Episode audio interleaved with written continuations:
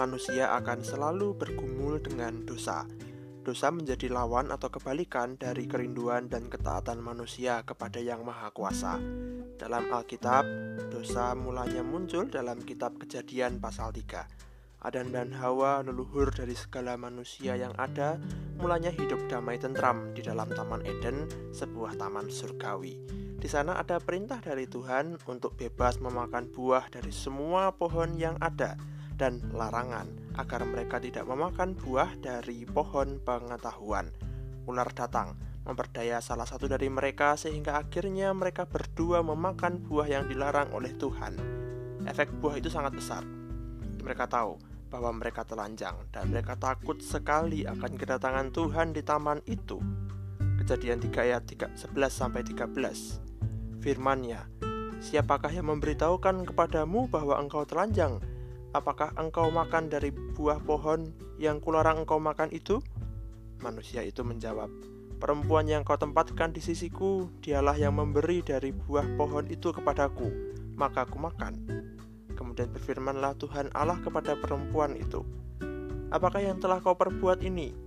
Jawab perempuan itu, Ular itu memperdayakan aku, maka aku makan. Sebagai catatan tentang kisah manusia jatuh ke dalam dosa, bukan persoalan bahwa Hawa terlebih dahulu dihasut ular, lalu mengajak Adam, lalu menimbulkan tendensi gender tentang dosa. Bisa saja terjadi Adam dihasut terlebih dahulu, lalu mengajak Hawa. Dari sepenggal kisah teguran Tuhan kepada manusia, kita bisa belajar tentang dosa dalam rangka memahami untuk menghindarinya. Pertama, dosa yang berawal dari hasutan ular bukanlah soal si ular itu sumber dosa. Seandainya Adam dan Hawa teguh dengan perintah Tuhan dan tidak masuk dalam hasutan ular, maka dosa bisa dihindari. Dosa bergerak dalam wujud kuasa tak terlihat di antara manusia. Kedua, dosa adalah pemberontakan kepada Tuhan.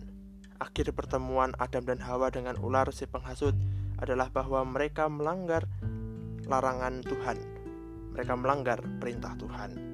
Larangan Tuhan agar manusia tidak menyentuh dan memakan buah dari pohon pengetahuan tentu ada tujuannya. Terkadang bukan hak manusia untuk mengetahui suatu perintah Tuhan. Manusia hanya perlu menurutinya. Namun karena adanya kehendak bebas yang disalahgunakan untuk melanggar larangan itu, pemberontakan kepada Tuhan pun terjadi. Terlebih ketika pemberontakan itu terkait dengan hasutan ular bahwa setelah memakan buah dari pohon pengetahuan, manusia akan dapat menjadi seperti Allah, yakni tahu tentang yang baik dan yang jahat. Keinginan untuk menjadi sama seperti Allah telah merusak relasi manusia dengan Allah. Poin ketiga, relasi rusak karena dosa.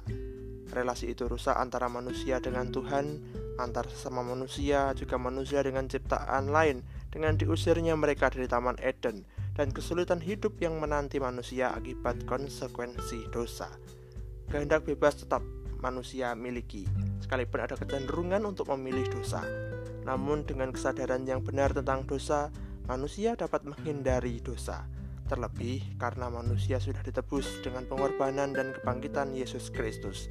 Kuasa dosa dinyatakan telah dikalahkan dengan kasih Tuhan yang begitu besar. Pilihan kita manusia menjadi jelas, yakni untuk menghindari dosa hidup dalam pertobatan dan taat kepada Tuhan dan firman-Nya setiap saat.